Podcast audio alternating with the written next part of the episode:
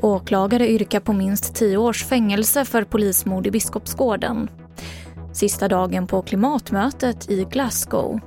Och ökande coronasmitta kommer att påverka julresorna. TV4-nyheterna börjar med polismordet i Biskopsgården i Göteborg där kammaråklagaren Linda Viking yrkar att den åtalade 17-åringen ska dömas till minst 10 års fängelse för mordet på en polisman. Åklagaren anser också att 17-åringen bör ha sett att det var en polisman han mötte och sköt mot. Om 17-åringen varit 21 år eller äldre så skulle åklagaren ha yrkat på längre. Den ökande coronasmittan i Europa kommer att påverka julresorna. Det här varnar Folkhälsomyndigheten för. Flera länder har nyligen återinfört restriktioner efter höjd smittspridning och som resenär ska man vara beredd på att situationen kan förändras snabbt.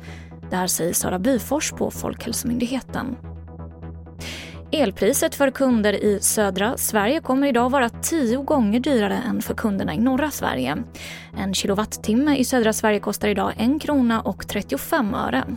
Att jämföra med södra och norra Norrland där en kilowattimme kostar 14 öre. Och orsaken är dels låg kapacitet på danska vindkraftverk och hög efterfrågan på svensk el utomlands.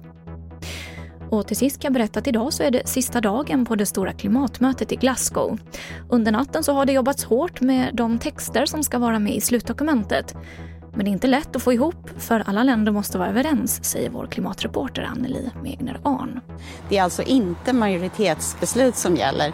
Och I tidigare utkast så har det funnits ganska tuffa skrivningar om att man ska sluta finansiera eh, fossila bränslen.